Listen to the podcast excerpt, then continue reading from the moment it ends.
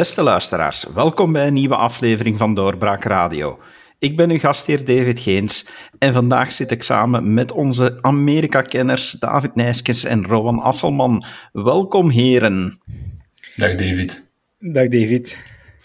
Heren, we hebben pas momenten meegemaakt die sommigen historisch zullen noemen. Laat ons die beoordeling straks maken of we die woorden ook in de mond zullen nemen. Maar laten we eerst kijken naar eh, de periode die voorafgaat aan de inauguratie van Joe Biden. En dan bedoel ik de laatste week van Trump. Is die nog bijzonder geweest, David? Wel, die is toch zeer speciaal geweest. Laten we daarmee beginnen. We hebben een uh, impeachment in recordtempo gehad in het Huis van Afgevaardigden. Uh, zonder uh, getuigen die werden opgeroepen, zonder, uh, moet ik zeggen, zonder. normaal gezien is dat eerst in, het, in de commissie Justitie, dat daar dan zwaar over wordt gedebatteerd en dergelijke meer, worden getuigen gehoord. Dat was nu blijkbaar allemaal niet nodig. blijkbaar kan men in de Verenigde Staten een een verkozen president impeachen na, met een, na een debat van uh, vier uur. Ik denk dat er daar toch een precedent uh, geschapen is uh, voor de toekomst die zeer verstrekkende gevolgen zal hebben. Ik denk dat verder de president heeft zich dan ook wel kalm gehouden. We hebben dan natuurlijk de Twitterban gehad en dergelijke meer. maar ik denk dat we best nog focussen op zijn laatste, laten we zeggen, 24 uur dat hij in het Witte Huis was. Hij heeft uh, toch, toch nog twee toespraken gegeven in die korte periode. Hè. Dus in het, het e-, eerste toespraak was zogenaamd wat elke president doet op het einde uh, van zijn ambtstermijn, dat hij een adres uh, tot de natie richt, hè, het woord tot de natie richt.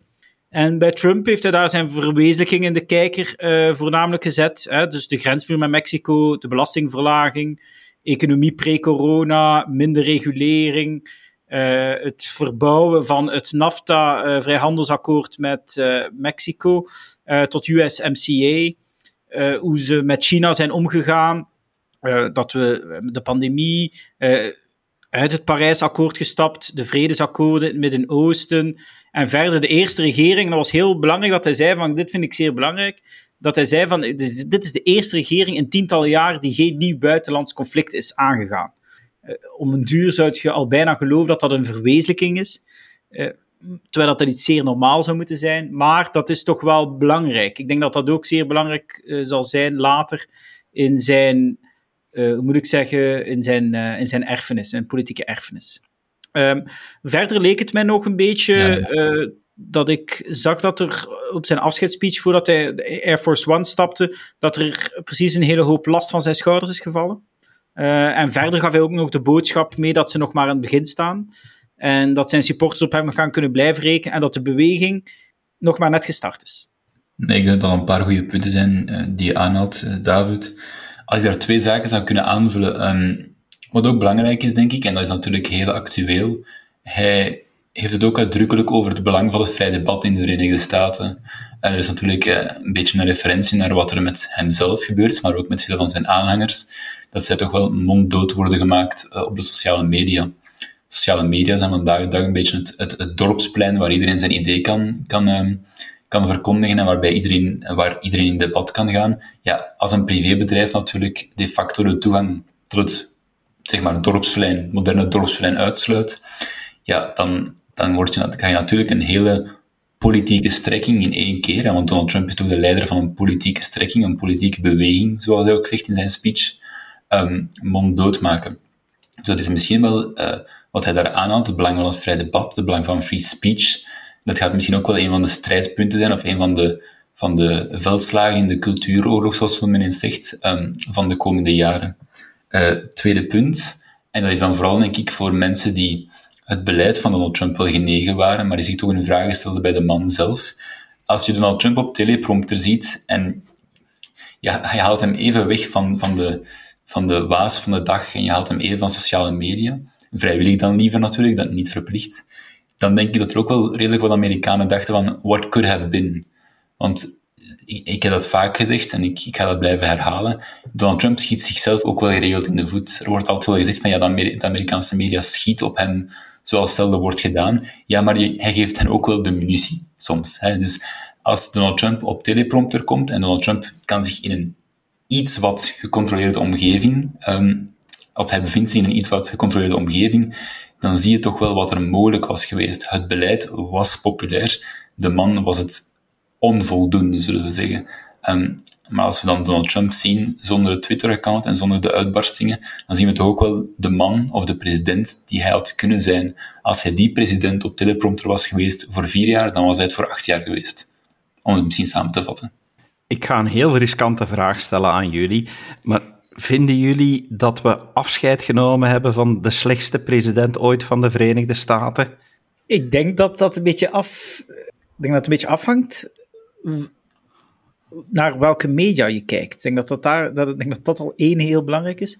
Uh, maar ik denk dat je, als je zelf naar de verwezenlijkingen kijkt, dan als ik, als ik links en rechts kijk bij, bij mijn republikeinse vrienden in de Verenigde Staten, wat zij daarvan denken, dan merk ik dat zij, dat zij bijna allemaal zeggen dat dit de beste president in hun, in hun leven geweest is.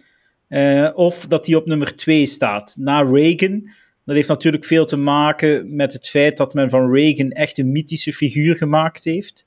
Zeker, na zijn, uh, zeker nadat hij president af was, heeft men een mythische figuur van hem gemaakt binnen de conservatieve beweging. De vraag is of dat bij Trump ook zo zal zijn. De kans is redelijk groot dat Trump voor veel conservatieven echt een mythische figuur wordt, omdat het echt een president is die, en dat hebben we ook gelezen, hè, ook in commentaren van mensen die hem niet genegen zijn, een president die verkozen is met een programma en die gewoon gezegd heeft: Ik ga mijn uiterste best doen om dit uit te voeren. En ik denk als je dat meeneemt, dan denk ik dat hij voor zijn kiezers een zeer goede president geweest is. Ja, inderdaad, om daar gewoon kort aan toe te voegen. Um, hij zal misschien niet de beste communicator zijn geweest, alhoewel dat dan ook, ook een beetje af van aan wie je het vraagt. Maar of iemand een goed president is, daar is geen objectief antwoord op. Uh, want Amerika is een verdeeld land, maar we moeten eenheid ook niet overschatten of overwaarderen. Um, het is goed dat er meningsverschillen zijn in een land, anders zijn we toch allemaal maar robots die allez, op dezelfde manier aan een lopende band uit een fabriek rollen. Um, als u het beleid genegen bent dat Donald Trump voorstond, ja, dan is het een goede president. Bent u dat niet, ja, dan is het een slechte president. Maar dat is net zoals met Barack Obama ervoor. Hè. Barack Obama was super populair binnen de Democratische Partij en ja, haat is misschien wat overdreven, maar hij was toch wel een van de minst populaire presidenten um, ooit bij de tegenpartij. Daar was onlangs een, een samenvatting gemaakt uh, van peilingresultaten. Dus wat er gebeurt is, presidenten worden niet enkel gepeild hun populariteit um, bij het Amerikaanse volk in het algemeen, maar ook binnen kiezers van de tegenpartij. Dus Barack Obama was een democraat, hoe populair was hij bij de republikeinen? Barack Obama was de minst populaire president onder de tegenpartij zit tot Donald Trump natuurlijk. Hè. Donald Trump is hem voorbijgestoken daarin. Maar opnieuw, net zoals Donald Trump populair was bij, conservatieve rechtse kiezers, omwille van zijn beleid, zo ook was Barack Obama dat uh, bij linkse kiezers. Dus die vraag is, is, een leuke vraag natuurlijk, maar het is een vraag waar eigenlijk geen antwoord op is. Het is een super, super subjectieve vraag. Ja, en ik wil er nog aan toevoegen. Maar het is wel heel interessant wat je zegt, Rowan. Uh, het is heel interessant wat je zegt, Rowan, want wijst dat net niet op die toenemende polarisering? Uh, volgens, volgens jou en David, jij misschien ook, uh, dat dat uh, net zo is dat men heel populair is langs de eigen kant en dan uiterst onpopulair bij de andere kant? Ik denk om eerlijk te zijn dat dat iets is van alle tijden.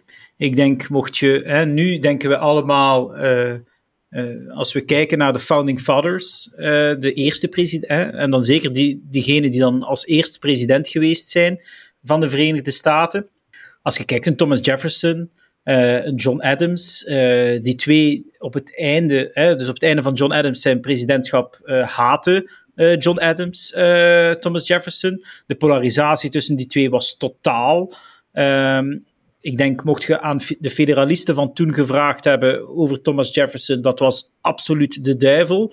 En de, en de Democratische Republikeinen van die tijd zeiden hetzelfde over John Adams. En nu denken we allemaal van, uh, en wordt, om u een klein voorbeeld te geven, Thomas Jefferson, zijn, zijn uh, zijn portret hangt ook in het nieuwe Oval Office uh, van, van Joe Biden en hing ook in het Oval Office van, van Donald Trump. Dus ik wil maar zeggen, ik denk dat dat, ik denk, dat is iets wat je maar eerlijk kan beoordelen 10, 20, 30, 40, 50, 60 jaar na de feiten. En dan zijn die presidenten meestal ook vergeten. Hè. Uh, wil ik ook nog aan toevoegen. Hè. Dan zijn de meeste ook vergeten. Hè. Ja, inderdaad. We hebben natuurlijk de neiging om, om het verleden altijd een beetje te romantiseren. De scherpe kantjes worden er wat afgeveild. En uh, de volgende president of, of de volgende vijand is altijd erger dan de vorige. Want wacht, en misschien gaan de verschillende luisteraars nu lachen met wat ik ga zeggen, maar ik ga het toch zeggen. Binnen een paar jaar, als de Republikeinse voorverkiezing opnieuw in full swing is, hè, en alle Republikeinen die opnieuw president willen worden, misschien Donald Trump zelf, maar laten we even vanuit gaan dat hij er niet bij is, um, zich kandidaat, dan gaan we hè, serieuze opiniestukken krijgen in de verschillende kranten en in de media over hoe um, Donald Trump tenminste niet kandidaat X was. Zelfs Donald Trump deed dit beter dan hem. Dat gebeurt elke keer opnieuw. In 2012 was Mitt Romney de duivel. In 2016 was hij de beste republikein aller tijden. Natuurlijk na John McCain, die in 2008 door Barack Obama verslagen werd. Dus dat is iets van alle tijden dat we het verleden en ook de oude vijanden wat gaan romantiseren, denk ik.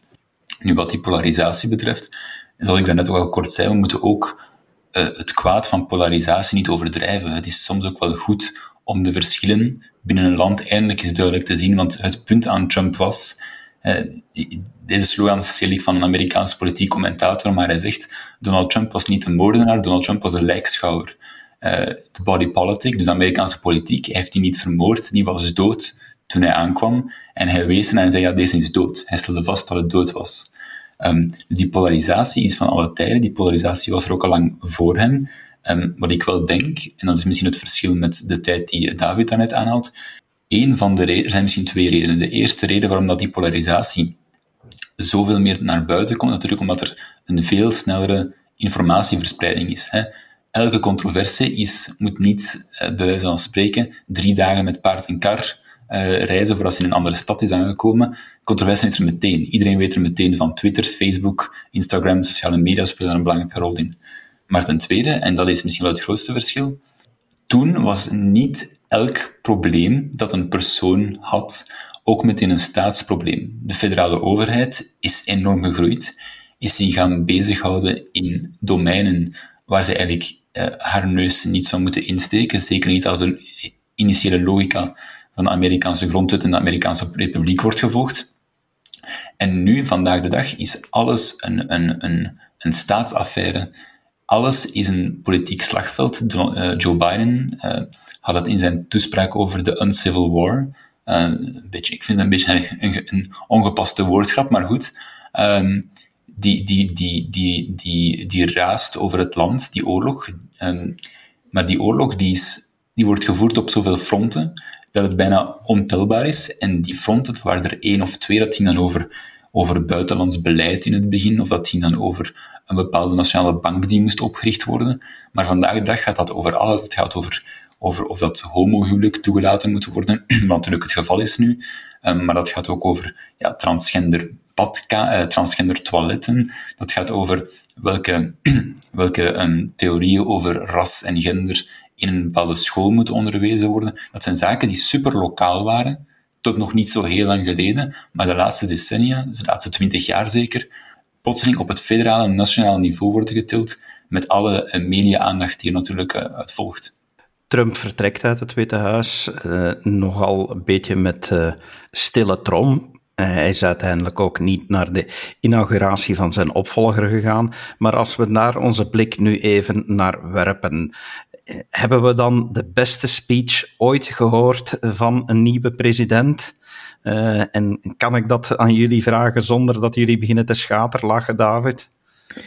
Uh, de beste speech ooit? Uh, ja, ik weet het niet. Maar dat is toch als ik mijn televisie heb aangezet, zowel gisteren als vandaag, en als ik de kranten bekeken heb, is dat toch wat ik gezien heb. Of toch gelezen heb. En ik moet, mijn, ik, dat we de beste speech ooit gehad hebben.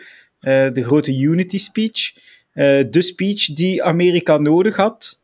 Uh, het is precies alsof eh, de man die vier jaar aan een stuk alles fout gedaan heeft en dat we na vier jaar de duivel in levende lijven in het Witte Huis gezien hebben. Het is precies als, alsof de Messias is opgestaan. zo, zo heb ik dat toch gepercipieerd de afgelopen uren. alle gekheid op een stokje nu. Ik denk over de toespraak, ik denk dat Rowan straks nog wat meer over de toespraak inhoudelijk gaat zeggen. Ik denk als je kijkt naar hoe alles verlopen is, ik vind het zelf zeer jammer dat uh, dat Trump niet op die inauguratie van Biden aanwezig was. Ik vind dat hij, dat, moet, dat, hij da dat hij daar had moeten zijn. Nu goed, ik begrijp waarom dat hij daar ook niet was. er is heel veel kwaad bloed tussen beide heren, ook tijdens de campagne gevloed.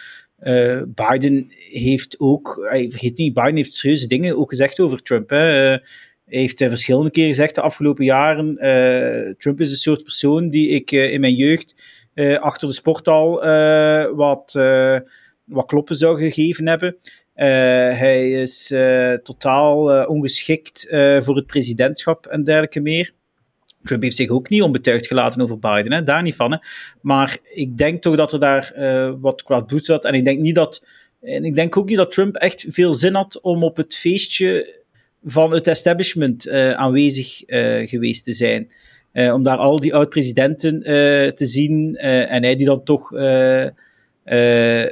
toch geen tweede termijn heeft gekregen, wat hij denk ik toch wel een beetje als een blamage ziet. Dus ik denk dat hij daar ook niet zo weinig zin had om daar op aanwezig te zijn, dat hij ook gewoon gezegd heeft, pff, laat het zo. En ik denk uiteindelijk zal het misschien zelf beter geweest zijn. Ja, inderdaad. Ik denk dat ik ook op de vorige podcast zei van tot die hele uh, bestorming, bestorming, mars op het Capitool en alles wat daaruit volgde, had ik ook iets van, ja, het was goed als Donald Trump daar was geweest. Hè. Dat is een soort van symbool van de vredevolle overdracht van de macht. Um, maar inderdaad, met alles wat er gebeurd is, het waarschijnlijk best dat hij daar gewoon is weggebleven. Het zou toch heel, als heel um, weinig oprecht zijn overgekomen, moest hij daar nu nog geweest zijn. Ik vond het wel goed dat Mike Pence er was trouwens, uh, vicepresident was er wel, uh, was goed was toch een van beiden was daar. En uh, dat toont toch een soort van minimum aan, um, aan aanvaarding van, van wat er gebeurd is. De inhoud van Biden's speech, ja, ja. die speech was perfect oké. Okay. Um, het is een speech die over een week iedereen vergeten is. Um, sorry, binnen 24 uur iedereen vergeten is. Um, wat niet slecht is, hè, want een, een, slechte of een genante speech, die vergeet ook niemand. Dus uh, bon, hij, hij, komt daar goed weg. hij heeft dat in orde. Hè taak volbracht, zullen we zeggen. Um, de beste speech sinds, sinds, ja, sinds het Gettysburg Address van Lincoln, hè, blijkbaar, als we de media moeten geloven. Het is ik kan er moeilijk mijn lach bij het is een beetje belachelijk. Het is een oké okay speech. Um, hij raakt er een paar punten aan die misschien wel belangrijk zijn.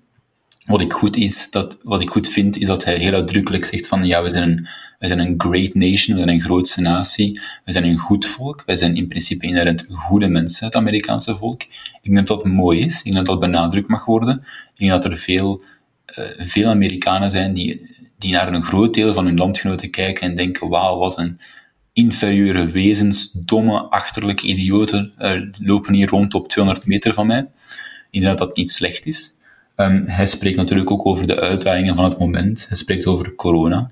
Uh, hij spreekt over klimaatverandering. Um, hij is natuurlijk ook meteen terug in het verdrag van Parijs gestapt, het klimaatakkoord eigenlijk. Um, dus hij zet misschien wel de actie bij het woord meteen. raciale rechtvaardigheid natuurlijk, een stokpaardje van de, van de, ja, van de Democratische Partij vandaag. Uh, daar kan je niet omheen.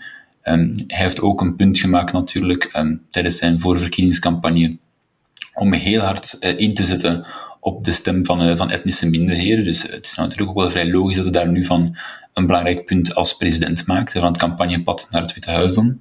Um, hij had het ook over, en, en daar komen we misschien een beetje aan, het, aan een wat meer controversieel punt, of toch wat veel, denk ik, meer conservatieve Amerikanen controversiëler gaan vinden, is dat hij het had over de manipulatie van feiten. Hij had het over het gevaar dat we allemaal in onze eigen mediabubbel kruipen. En nu, hij heeft daar op zich een punt. Hè. Uh, dat is gevaarlijk, om in een echo chamber, een echokamer terecht te komen. Ook sociale media, niet enkel de mainstream media, hè, zoals we dan zeggen, um, dragen daartoe bij. dragen daartoe bij, sorry. Um, maar, en dit is misschien wel de rode draad doorheen de speech van Biden en misschien wel denk ik, hè, maar het is nog vroeg, maar denk ik door het beleid van Biden en door veel van de andere toespraken die hij nog zal geven als president, dat is dat hij duidelijke waarheden verkondigt. Eh, simpel, vaag ook. Hè. Je kan er niemand mee voor de borst stoten. Um, maar dat hij, wat hij eigenlijk bedoelt is, um, als het gaat over die manipulatie van feiten, hij bedoelt niet uh, de valse rapport, uh, verslaggeving van CNN. CNN in de week naar de Biden-inauguratie was, was een grap. Um, het waren de schoten van Biden. En dat, ik, ik, ik ben normaal gezien niet de, de man van de grote woorden, dus ik, ik garandeer u dat was echt het geval.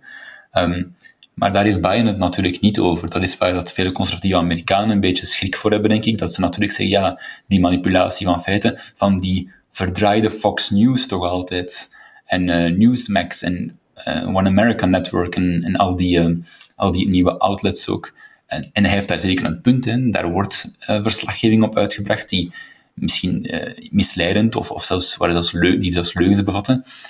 Maar de, de algemene punten die hij aanhaalt, die zullen die zullen geïnterpreteerd worden als een onrechtstreekse aanval, niet op alle media, niet op alle Amerikanen die misschien iets fout doen, maar zeer specifiek uh, op zijn politieke tegenstanders. Dat slaat, sluit naadloos aan bij zijn, zijn toespraak over eenheid. Uh, er zijn vele conservatieve Amerikanen, denk ik, die schrik hebben dat wat hij bedoelt met eenheid is um, geen, geen compromis. Hè. Dat is geen compromis, het is onvoorwaardelijke overgave die hij vraagt. Jullie kunnen harmonie hebben. Het kan teruggaan naar de goede Obama-jaren, hoewel dat, denk ik, veel conservatieve Amerikanen geen bijzondere goede herinneringen hebben bij die goede Obama-jaren. Um, maar wel op één voorwaarde. Ik ga natuurlijk geen stap in jullie richting doen. Jullie moeten al die stappen in mijn richting doen. En dan zullen we terug één verenigd land krijgen.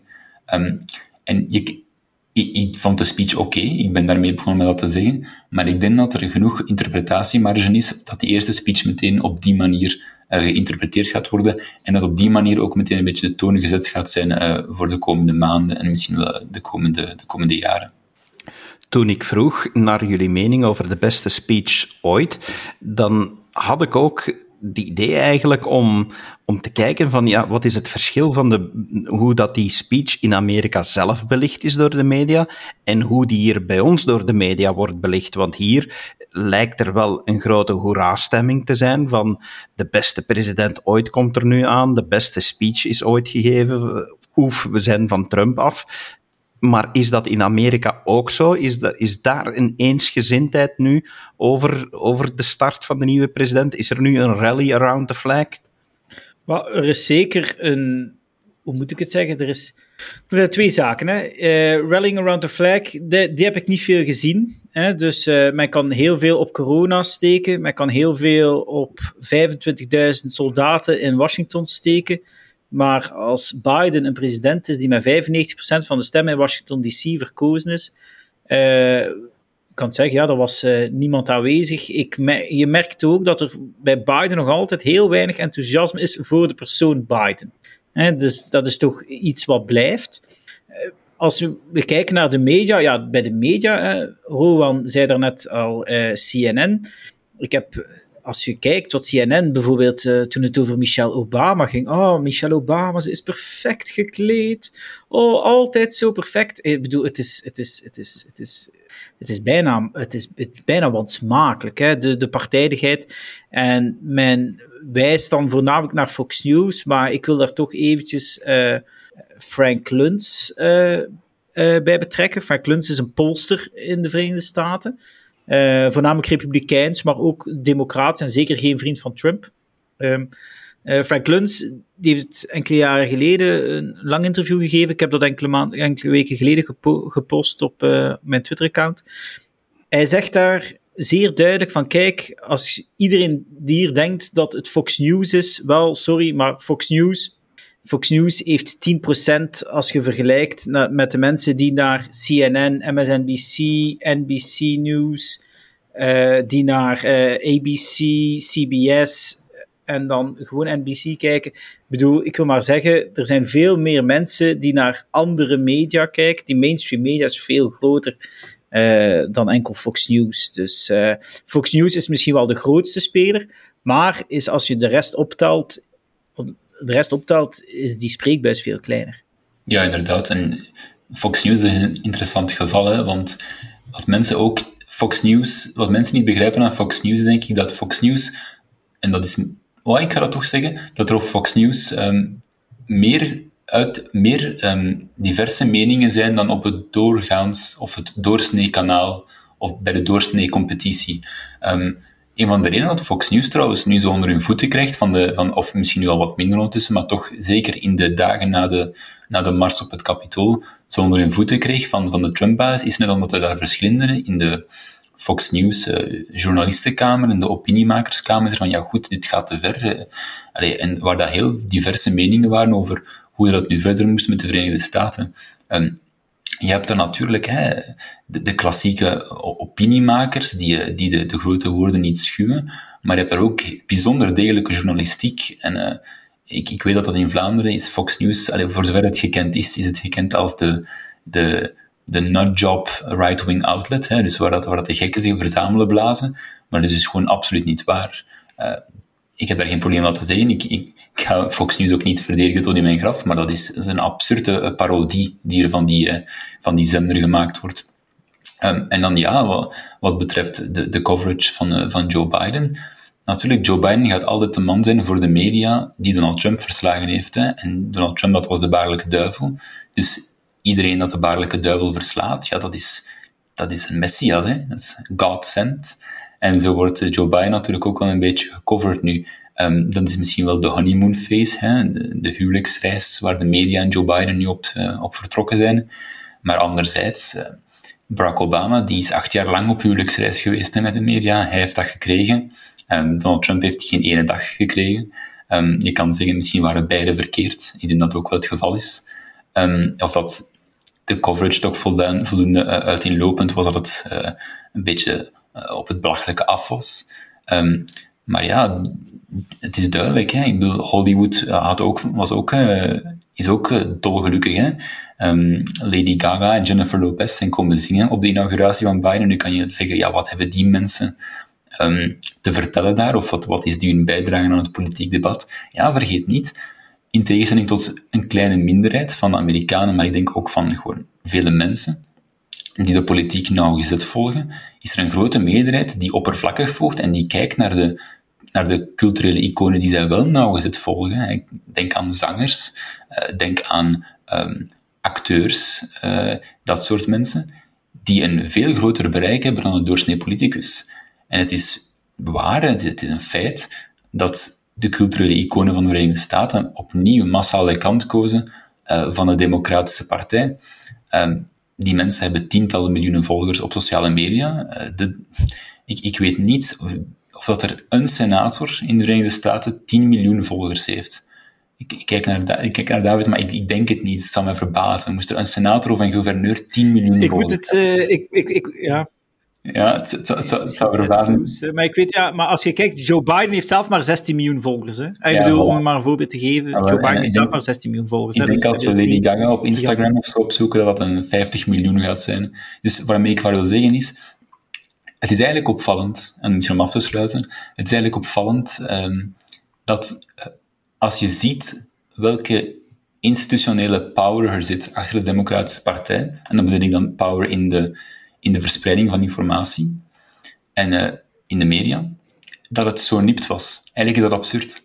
Want moest de steun... Ja, maar ik wil er wel nog één, één ding aan toevoegen. Ja, tuurlijk. Ja, ik wil nog één ding aan toevoegen. Het probleem is natuurlijk ook, stel nu dat als je een... Uh, stel je dat je een conservatief bent in Washington, in, uh, in Hollywood, uh, dan is het natuurlijk ook veel moeilijker om aan de bak te komen. Want de cancel culture, die bestaat echt. Hè. Laat daar geen dat, dat er geen misbaar, hè, dus uh, vergeet dat niet. Hè. Dus als u eh, conservatief, in, als u conservatief bent in Hollywood, dan is het lastiger. Hè. Dan kom je moeilijker aan de bak. Dan ja, word je, kom je tegenwoordig al veel minder naar, naar dat feestje en dergelijke meer. Dat is toch allemaal uh, fel verergerd en verergerd verder. En dat zorgt er natuurlijk wel voor. Ehm, dat die, die vele volgers van die, van, die, van die bekende mensen, van die celebrities, dat dat bij veel mensen echt het, ja, het gevoel geeft van, ja, kijk, dat is het establishment, zijn de grote winnaars uh, van deze samenleving. En uh, wij zijn het, uh, ja, wij zijn echt de deplorables, hè? dus wij zijn echt een beetje, tussen naakjes uit, klootjesvolk. Mm -hmm. um, dat hier uh, voornamelijk uh, die mensen uh, een cd's mag kopen en naar hun, linke, en naar hun linkse zever luisteren. maar ondertussen hebben wij met die mensen, is, wordt die afstand enkel maar groter en groter. Om, om het nu gewoon kort nog te hebben over dat punt. Um, ik raad de luisteraars eens aan om, dus zoals ik zei, Lady Gaga, een zeer bekend figuur natuurlijk, um, al lang in de, in de showbusiness. Um, heeft gezongen, heeft uh, ja, de Stars and Stripes gezongen, zeker op, de, op de inauguratie van Joe Biden, het volkslied. Uh, fijn. Um, je, je, moet eens opzoeken. Um, Lady Gaga promote Joe Biden of zoiets. Hè. Dat is een, een filmpje die dat, dat zij had opgenomen in, in aanloop naar de verkiezing, waarbij dat zij als, als, multi, als multimiljonair zich had gekleed in cameo-kleding, dus zoals zo een legerkleding, dat zij leunde tegen een Hummertruck met een, met een pintje in haar hand en dan uitlegde waarom het gewone volk um, op Joe Biden moest stemmen. Dit is schaterlachen, doe je ermee. Maar dat is één filmpje. Ik zei, ja, oké, Lady Gaga, haar naam zegt het misschien zelf. Um, maar dat is echt inderdaad, en dat pikt sluit aan bij wat David net, zei, totale disconnect van, van, van wat een normale Amerikaan moet doorgaan, maar dan wel natuurlijk hun kanaal met 50 miljoen volgers gebruiken om uit te leggen waarom het Waarom, excuse my French, het klootjesvolk toch maar uh, op Joe Biden moet stemmen. En dat heeft allemaal niets met inhoud te maken. Dat is pure vormgeving. Hè. Maar dat is, die mensen hebben dus zelf niet door hoe belachelijk dat overkomt. Nu we toch over beelden bezig zijn, het eerste beeld dat ik me kan herinneren dat in de media verschenen is over president Biden in de Oval, in de, in de Oval Office, is dat hij daar zit met een stapel van die presidentiële decreten die hij meteen heeft ondertekend. Zit daar iets tussen waar wij van opkijken? Of is hij meteen begonnen aan het uitwerken van zijn uh, campagnebeloften? Of heeft hij net tegenovergestelde dingen al gedaan? Uh, David, wat, uh, wat kunnen we daarover vertellen? Ja, nee, ik denk dat hij direct er wel eens ingevlogen is en voornamelijk dus zijn campagnebeloftes is gaan uitvoeren. Hè. Maar het probleem is met Biden heeft weinig campagne uh, gevoerd. Hè. Dus hij heeft weinig campagnebeloftes gedaan. Het is eerder waar de rest allemaal voor gewaarschuwd heeft, uh, waar uh, dat direct is uitgekomen. Hè. Dus vele zaken zijn voornamelijk terugdraaien van executive orders die Trump had uitgevaardigd. Hè. Bijvoorbeeld terug in het akkoord van Parijs stappen. Er is vandaag ook al weer veel kritiek uh, opgekomen dat het toch veel uh, jobs zou kosten in de Verenigde Staten. Terug in de Wereldhandelsorganisatie. Uh, waarbij dat we weten dat de uh, Wereldgezondheidsorganisatie toch grote fouten gemaakt heeft in de aanloop naar de corona-epidemie. De constructie van de grensmuur is uh, stopgezet. je had ook een commissie 1776 waar men de geschiedenis van de VS bestudeerde om in leerplannen te verwerken. is weg, ontbonden. de travel ban, dus die sommige kwaadwilligen de moslimban noemden ik, heb dat, ik heb daar vier jaar geleden eens een artikel, uh, een veelgelezen artikel uh, over geschreven. Uh, dat dat helemaal geen moslimban was, maar dat dat gewoon uh, voor enkele landen waren waar de veiligheidssituatie gewoon zeer moeilijk is om te controleren wie de mensen zijn. Ehm, als je kijkt, Keystone, dus een pijplijn, een oliepijpleiding uit Canada, heeft hij de bouw direct geschrapt. dit kost dus 10.000 rechtstreekse jobs in, VS, in de VS en Canada vandaag al. Hè. Dus de Canadezen zijn zeer kwaad. Hè. Dus de premier van Alberta, een deelstaat van Canada, die heeft al gezegd. ja, op die manier gaan we in principe als buurlanden niet met, niet met elkaar om. Hè. En dan ook, ook sociale zaken, hè, sociaal beleid. Rowan heeft daarnet ook al gezegd. Hè, dus, de trans, dus het feit dat uh, transgenders niet meer mogen, dus jongens die zich een meisje voelen, dat die terug mogen meedoen aan, aan meisjesport en vrouwensport en toegang krijgen tot de kleedkamers. Dat was een verbod door de regering Trump opgelegd. ze hebben dat nu. Hebben ze, nu, ze hebben dat nu weggedaan. Ook critical race theory, die toch onder conservatieven smalend als zelfhaat wordt betiteld, komt terug in diversiteitscursussen. Hè? Dus uh, conservatieven, die noemen dan, dat zijn cursussen zelfhaat, die terug overal in de federale regering en dus ook in het leger en dergelijke meer gaan worden gegeven. Iets wat Trump verboden, verboden had. Dus het is zeer de vraag of die unity, waar Biden over sprak in zijn toespraak, en waar iedereen het pers zo, van lovend, zo lovend over was, dat daar weinig van gezien is. Dus uh, het zou goed kunnen dat, uh, Ronald heeft er net ook al een beetje aangegeven, dus Unity is vooral een label, maar de vraag is, de mensen die voor Trump gestemd hebben en die hoorden we gaan Unity krijgen, die zien nu vandaag een zeer links beleid, die geen rekening houdt met hun verzichtingen, want zijn maar zeker, terug in het Parijsakkoord stappen zal de Verenigde Staten veel geld kosten en jobs kosten. Uh, die Keystone-pijpleiding zal ook veel jobs kosten in rode staten, uh, Trump-staten, Republikeinse staten.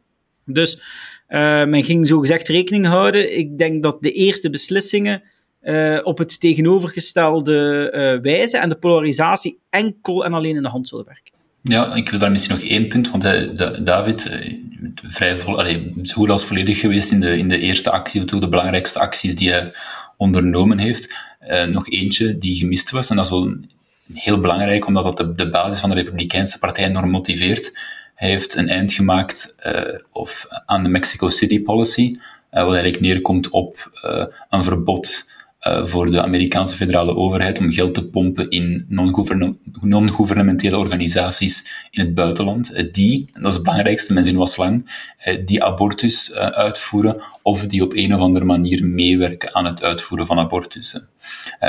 Als je kijkt naar opiniepeilingen, en die zijn heel consistent, eigenlijk gaan die zelfs in het, lichtjes in het voordeel de laatste tijd van, van tegenstanders van abortus. Dat is, dat, is een, een, dat is een standpunt, of nee, excuseer, dat is een materie die het Amerikaanse volk ongeveer 50-50 splijt. Dus in tegenstelling, hè, als je in Vlaanderen peilt, ga je misschien als de vraag simpel is, pro of tegen, ga je misschien 80-20, 85-15 krijgen uh, tot spijt wie het benijdt.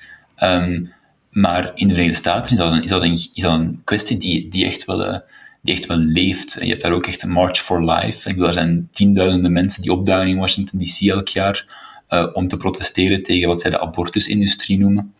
Um, en daar heeft, heeft Biden ook op dag 1 gezegd van nee, um, US uh, Aid, als ik me niet vrees, of US Global Aid, wat exact weer het, het programma of het departement is, mogen opnieuw geld geven aan dit soort organisaties. Um, dat soort zaken. Um, ja, waar is die eenheid? Dat, is, dat, is een, dat, is een, dat is een materie die het land 50-50 splijt. En hij doet dat uren nadat hij zegt van ik ga een president zijn, niet voor de Democratische Partij, maar voor alle Amerikanen. Dat zijn zaken die...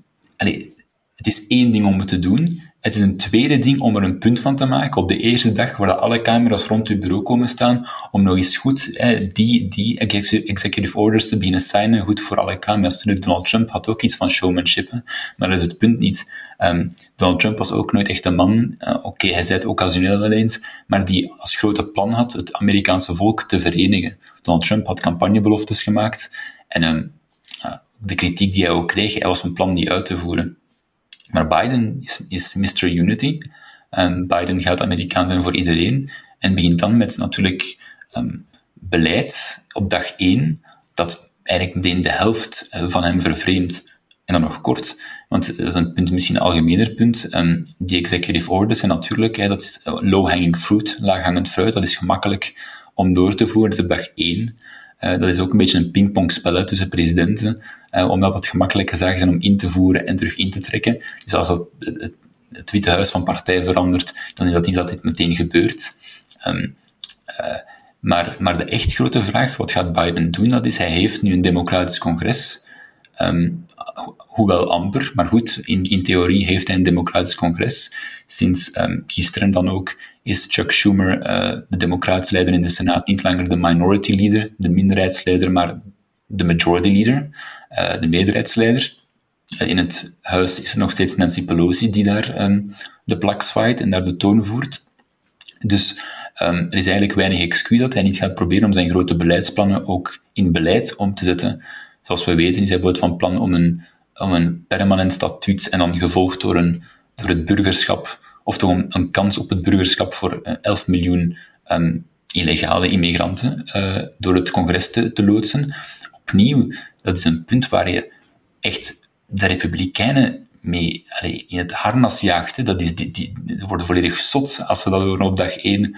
Um, dus ja, oké, okay, kapitein eenheid um, zal het misschien op papier zijn, maar ja, dat, dat, met zo'n beleid kan je natuurlijk niet verwachten het land minder te polariseren of het land bijeen te brengen. Dit zijn, dit zijn splijtswammen binnen de Verenigde Staten en het zijn splijtswammen waar, waar Joe Biden zich in ieder geval uh, met volle goestingen opsmijt, voorlopig toch in ieder geval. Als we dan kijken naar de samenstelling van zijn regering, die mensen die moeten nu allemaal de Senaat uh, passeren en goedgekeurd worden, zitten daar verrassende namen tussen, Rowan? Uh, voor verrassende namen. Uh, ik zou zeggen, er zijn twee categorieën, als we ze, maar dat is een beetje om het te simplificeren, en dat we ze in twee categorieën indelen. Maar er zijn de oude Obama, dus er zijn de Obama-oudgedienden. Het is duidelijk dat Joe Biden zich comfortabel voelde met de, met de mensen die in de Obama-regering um, gepositioneerd waren. En die heeft hij teruggebracht, zeker op het vlak van um, nationale veiligheid, zeker op het vlak van buitenlands beleid. Uh, je ziet er eigenlijk verschillende mensen die gewoon van positie switchen of die een promotie maken van één positie omhoog. Um, de namen, sorry, ontglippen mij, daarvoor zou ik uh, nog eens moeten opzoeken, maar dat zie je daar wel. En dan is er een tweede categorie, um, en dat zijn vooral mensen die, denk ik, op zich niet uh, op zich niet incompetent zijn of zo, maar waar, we toch, waar toch de symboliek een belangrijke factor was het benoemen van hen. Um, je, je, hebt daar verschillende mensen. Allee, bijvoorbeeld, nu gewoon met alle respect, hè. Um, ze gaat de onderminister van, van Volksgezondheid worden. Niemand heeft van die vrouw gehoord dan. Ik zal, ik zal de, correcte, de correcte benaming gebruiken. Dat is een, een, een, transgender vrouw is, zoals dan, als ik me niet vergis, noemt. Um, en die, die vrouw was blijkbaar de minister van, van Volksgezondheid in Pennsylvania. Oké, okay. zij was daar het meest gekend om het feit dat zij um, mensen die in een rusthuis verbleven en COVID hadden opnieuw het rusthuis binnenscheepte. En voor de rest, en dat is dus niet enkel op Fox News, dus ik heb die eens gegoogeld, je vindt daar dus eigenlijk niets van terug voor de rest. En zij wordt nu assistent-minister of onderminister van Volksgezondheid. Ja, waarom? Buiten het feit dat Joe Biden natuurlijk een thuis gehaald trouwens. Ja, ja, sorry, ja. ja. Ik, ik, geef ze nog te veel credit. Ja, wat ze dus ook wel gedaan heeft, is haar eigen moeder dan wel uit het rusthuis gehaald. Dus dat was ook wel een goeie. Um, nee, maar dus, waarmee ik maar wil zeggen, is het is vooral Joe Biden uh, natuurlijk ook belangrijk dat hij de, de, de, de, de krachtverhoudingen binnen de Democratische Partij ook in zijn regering binnenbrengt. Je hebt daar een zeer belangrijke stroming die enorm belang hecht aan wat dan eh, identity politics, identiteitspolitiek is.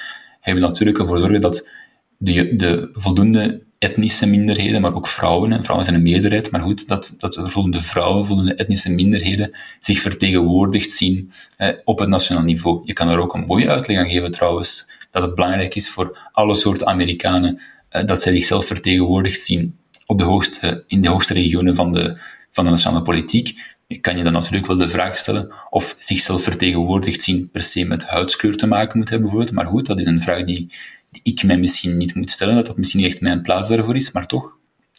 Um, maar dus wat we vooral zien is A, Obama-oudgediende, B, mensen die de, de democratische, uh, de identity politics stroming binnen de democratische partij moeten vertegenwoordigen, en dan C, uh, omdat ik er toch eentje wil toevoegen, Pete Buttigieg, die voor een of andere reden uh, minister van Transport wordt, en we kunnen daar enkel één reden aan geven, dat is het feit dat hij op min of meer de juiste moment in de um, de democratische voorverkiezing, zijn campagne uh, opgeschorst heeft, zodat Joe Biden uh, de steun van een min of meer establishment slash centrum-linkse vleugel kon consolideren.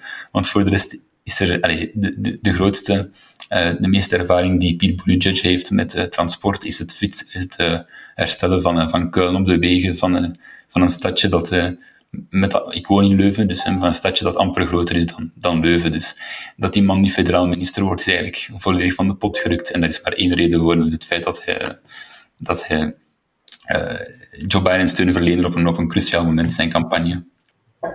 En Bernie Sanders, zien we die ergens nog een rol gaan spelen, David? Want hij heeft wel de afgelopen dagen een enorme rol gespeeld, of de afgelopen 24 uur een enorme rol gespeeld in tal van memes. Uh, zijn houding daar, uh, gaat die man nog, nog iets van betekenis vormen? Uh, ik denk dat hij zijn rol van betekenis al gespeeld heeft. Ik denk dat als je, als je kijkt naar de invloed die Sanders gehad heeft op het beleid van deze regering, hè, van de nieuwe regering, en de punten waar ze naar, uh, mee naar voren komen. Hè, er waren ook al direct, was ook al een, ook al met de vakbonden en dergelijke meer, die zeer tevreden waren.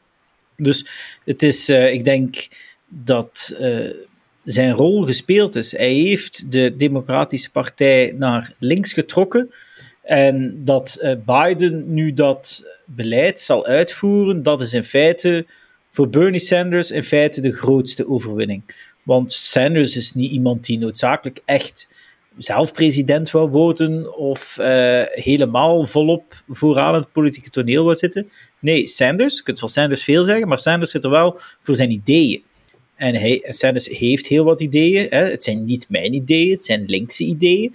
Maar hij zit er voornamelijk voor zijn ideeën, niet noodzakelijk uh, om zelf een persoonlijke rol te spelen. Dus ik denk dat hij zijn rol al gespeeld heeft. Hij zal hier en daar nog eens in in de Senaat uh, zijn best doen om de regering hier en daar uh, nog naar links te trekken. Maar ik denk dat zijn rol, ik ga niet zeggen is uitgespeeld, maar wel gespeeld is.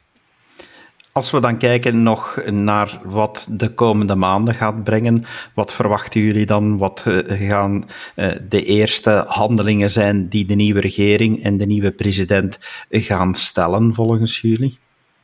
Goh, ik, ik, zou misschien, ik zou misschien zeggen, ik heb er kort al even aangehaald, uh, immigratie, een zeer belangrijk punt. Eh, ik hamer er niet op omdat ik het zelf superbelangrijk vind, maar daar is Joe Biden echt wel duidelijk over geweest van, ik vind het belangrijk dat die, zeker die voormalige dreamers, hè, dat was dan het, beleid van Barack Obama, waarbij een soort van, ja, um, gedoogbeleid voerde tegen illegale immigratie, toch onder bepaalde voorwaarden. Een van die voorwaarden was dat de persoon uh, als minderjarige in het land moest, worden binnen, moest zijn binnengebracht. Dus immigratie gaat een belangrijk punt zijn voor hem. Uh, ik denk ook, als Joe Biden verstandig is, gaat hij ook iets zoeken waarbij een soort van ja, steun van de Republikeinse Partij gaan krijgen. Nu, eigenlijk, um, mits gemasseerd op de juiste plaatsen, zou dat wel eens immigratie kunnen zijn. Um, moeten daarvoor geen twintig Republikeinen in de Senaat zijn, maar je hebt er wel een paar Republikeinen, denk ik, die open zijn voor een soort van grand deal over immigratie, omdat het nu al eens een punt is dat, waar een soort van grijze situatie bestaat voor heel wat geen Amerikanen, maar inwoners van de Verenigde Staten, dat is eindelijk eens opgelost moet worden. Dus een soort van um, grand deal met de Democratische Partij die stand houdt over de verschillende presidentschappen heen. Um, klimaat, hij heeft altijd aangegeven, klimaat, dat is belangrijk voor mij. Nu is er nog altijd iets dat die uh, Green New Deal heet, um, die destijds gelanceerd werd door, uh, door uh, een beetje het verguisde linkse congreslid Alexandria Ocasio-Cortez natuurlijk. Um, Biden heeft van, joh, ik ga die Green Deal, daar moet ik niet van hebben. Maar dan heeft hij wel in zijn campagneplatform een soort van light, allez, Green New Deal light opgenomen. We gaan zien of, maar dat zijn allemaal zaken die hij er niet op zijn eentje kan doorduwen. Dus we gaan zien of dat hij daar um, uh, de steun van het congres gaat zoeken. Dat lijkt mij zeer moeilijk. Dat gaat zeer moeilijk worden, want ik denk dat, dat, dat er daar gewoon niet voldoende um, democraten in de genre Alexandria Ocasio-Cortez zijn om er zoiets door te duwen. In de Senaat heeft hij één stem um, uh, op overschot en ik zie Joe Manchin van West Virginia niet voor de Green New Deal stemmen. Uh, dat, is, dat lijkt mij bijzonder onwaarschijnlijk. Dus immigratie, klimaat, infrastructuur zou een leuke zijn, omdat dat ook iets is dat al bijzonder lang aansleept en dat wordt altijd gezien als een punt waarbij dat de democraten en de republikeinen kunnen samenwerken. Nu laat mij daar meteen iets over zeggen, dat is een mythe. Uh, want infrastructuur, dat klinkt leuk, omdat iedereen mooie wegen wil hebben en mooie gebouwen, totdat er moet worden uitgelegd dat die infrastructuurprojecten gefinancierd gaan worden. En daar loopt het altijd dood, want aan de republikeinse kant is er een soort van ja, nadruk op de private kant van de publiek-private financiering. En aan de democratische kant is er een grote nadruk op de publieke kant van de publiek-private financiering.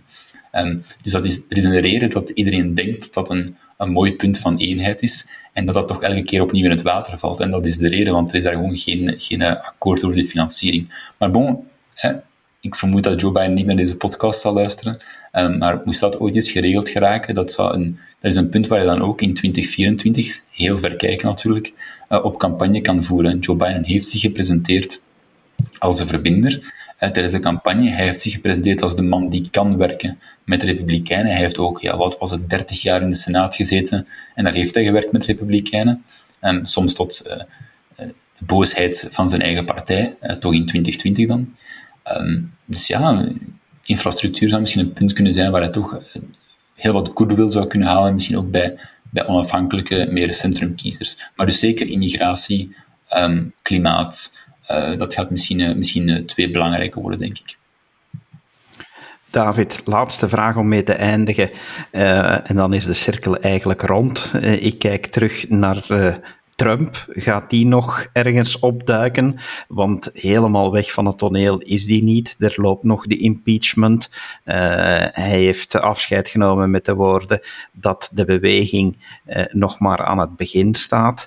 Uh, zullen, we, zullen we snel van hem terug horen, denk je? Wel, ik denk de eerste vraag zal die impeachment zijn natuurlijk. dus we zien vandaag al dat in de Senaat voor bipartisanship het heel moeilijk is. dus nog geen akkoord over hoe de werkzaamheden gaan uh, georganiseerd worden. De Republikeinen vragen daarnaast garanties over het behouden van de filibuster. Hè. Filibuster is een soort van systeem waarbij dat je voor de meeste wetten 60 uh, senatoren nodig hebt, die de facto altijd een soort van vetorecht geven aan de andere, aan de minderheidspartij. Um, dus ik denk, eh, gaan we Trumps. Dus dat zal, maar dat is dus belangrijk om ook die impeachment uh, te gaan organiseren. Hè? Want het is zo, stel dat de artikels van. Uh, de impeachment-artikels van het Huis naar de Senaat gaan. Op dat ogenblik worden alle, dat is de wet, hè, worden alle werkzaamheden in de Senaat direct stilgelegd. het zou zeer vervelend zijn voor Biden, want die regering moet benoemd geraken. dus Biden staat er op dit moment niet voor te springen, maar het is ook niet zo dat hij de macht heeft om dat direct stil te leggen. dus de, eh, omdat men in de Democratische Partij gewoon simpelweg niet naar hem luistert. Verder, ik denk dat Trump uh, binnenkort misschien wel zal terugkomen. Hè. Binnenkort, de, de CPAC gaat door eind februari. Het gaat door in Florida. Ik denk dat het wel zou kunnen dat Trump daar, daar verschijnt. Uh, mocht ik van hem zijn, ik zou niet te veel verschijnen. Ik zou voornamelijk uh, golfen. Uh, maar hij heeft nog heel veel steun. Hè? Als je kijkt gisteren, toen hij landde met Air Force One in Florida. En dan op de weg, als, je, als hij daartoe kwam, de weg, het stond vol mensen om hem toe te juichen. dus ik denk dat hij nog zeer populair is. de Republikeinse Partij, daar wordt nu heel veel over gezegd, over die zogenaamde split. En Trump zou dan zelf een partij starten. Ja, ik geloof daar niet. Hè. Ik geloof daar niet in. Uh, dus uh, de split dat die er is, daar geloof ik wel in. Hè. Dus ik denk dat die... Maar het idee dat de aanhangers van Trump de Republikeinse Partij zouden verlaten om een eigen partij op te richten, ik denk dat dat ver van het padje af is. Dat zal niet gebeuren. Trump heeft 74 miljoen kiezers behaald. Peiling afgelopen week zegt dat 92% van die mensen zeker opnieuw voor Trump zou stemmen. Het is zijn partij. Heeft een groot nieuw kiespubliek aangetrokken. En de conservatieven hebben eindelijk de indruk dat ze de gematigde neoconservatieve establishment, dat ze die uit de partij uh, kunnen hebben. En men gaat, dus, men gaat die niet laten terugkomen. Men gaat die niet terug aan de kloppen laten zitten. En één ding zal zeer belangrijk zijn, dat is hoe men in het huis zal omgaan met bijvoorbeeld een figuur zoals Liz Cheney. Liz Cheney is de nummer drie in het Huis van Afgevaardigden bij de Republikeinen, heeft voor de impeachment van Trump gestemd. Ze is ook de dochter van voormalig vicepresident Dick Cheney. dus uh, twaalf jaar geleden werd, dat, werd hij voor iedereen nog uh, uit, uh, uitgemaakt als massamoordenaar en oorlogsstoker. Hè. Dat is, vandaag is dat blijkbaar terug een heilige. dus, maar dus zijn dochter, hè, het is zeer duidelijk, verschillende conservatieven willen haar vel. en verschillende zeggen dat zij moet opstappen. Hè. Je hebt ook die mensen zoals het Lincoln Project, uh, die Republikeinen zijn weggegaan. Ik geloof niet dat die mensen nog allemaal kunnen terugkomen, omdat ze te ver gegaan zijn in kritiek. Niet enkel op Trump, maar ook op de Republikeinse Partij zelf. Ze hebben zelf uh, opgeroepen om op Democraten te stemmen en dergelijke meer. Ik denk dat de aversie zo groot is bij grote delen van de Republikeinse Partij, dat die mensen niet meer gaan terugkomen. Of toch in elk geval, als ze terugkomen, dat zij zullen moeten terugkomen op hun. Uh, op ik zou zeggen, op de, op de voorwaarden die de nieuwe Republikeinse Partij stelt. Daarnaast zou het verkwanselen uh, van Trump van de Republikeinse Partij zijn met zoveel, uh, zoveel uitgangen, uh, zoveel ingangen, zoveel, zoveel een machtsstructuur, een, een basis, een, een, organisatie, ja, dat bouw je niet zomaar op. Hè.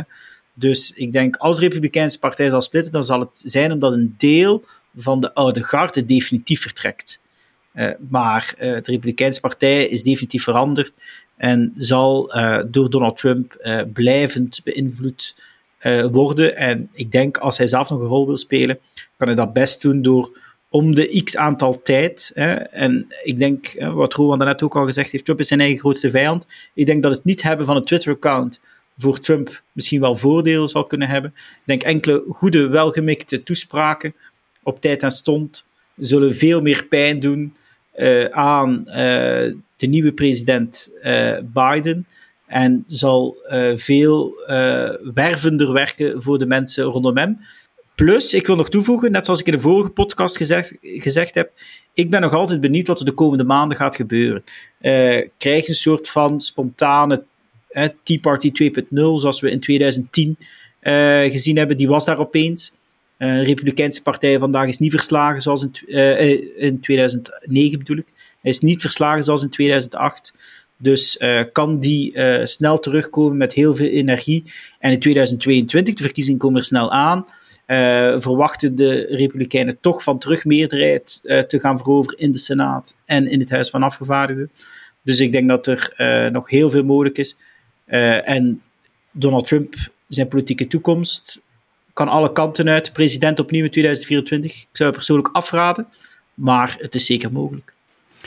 Heren, ik denk dat we stof genoeg hebben geanalyseerd voor één podcast. Er zal nog heel wat staan te gebeuren. We houden het natuurlijk allemaal samen in de gaten de komende dagen, weken en maanden.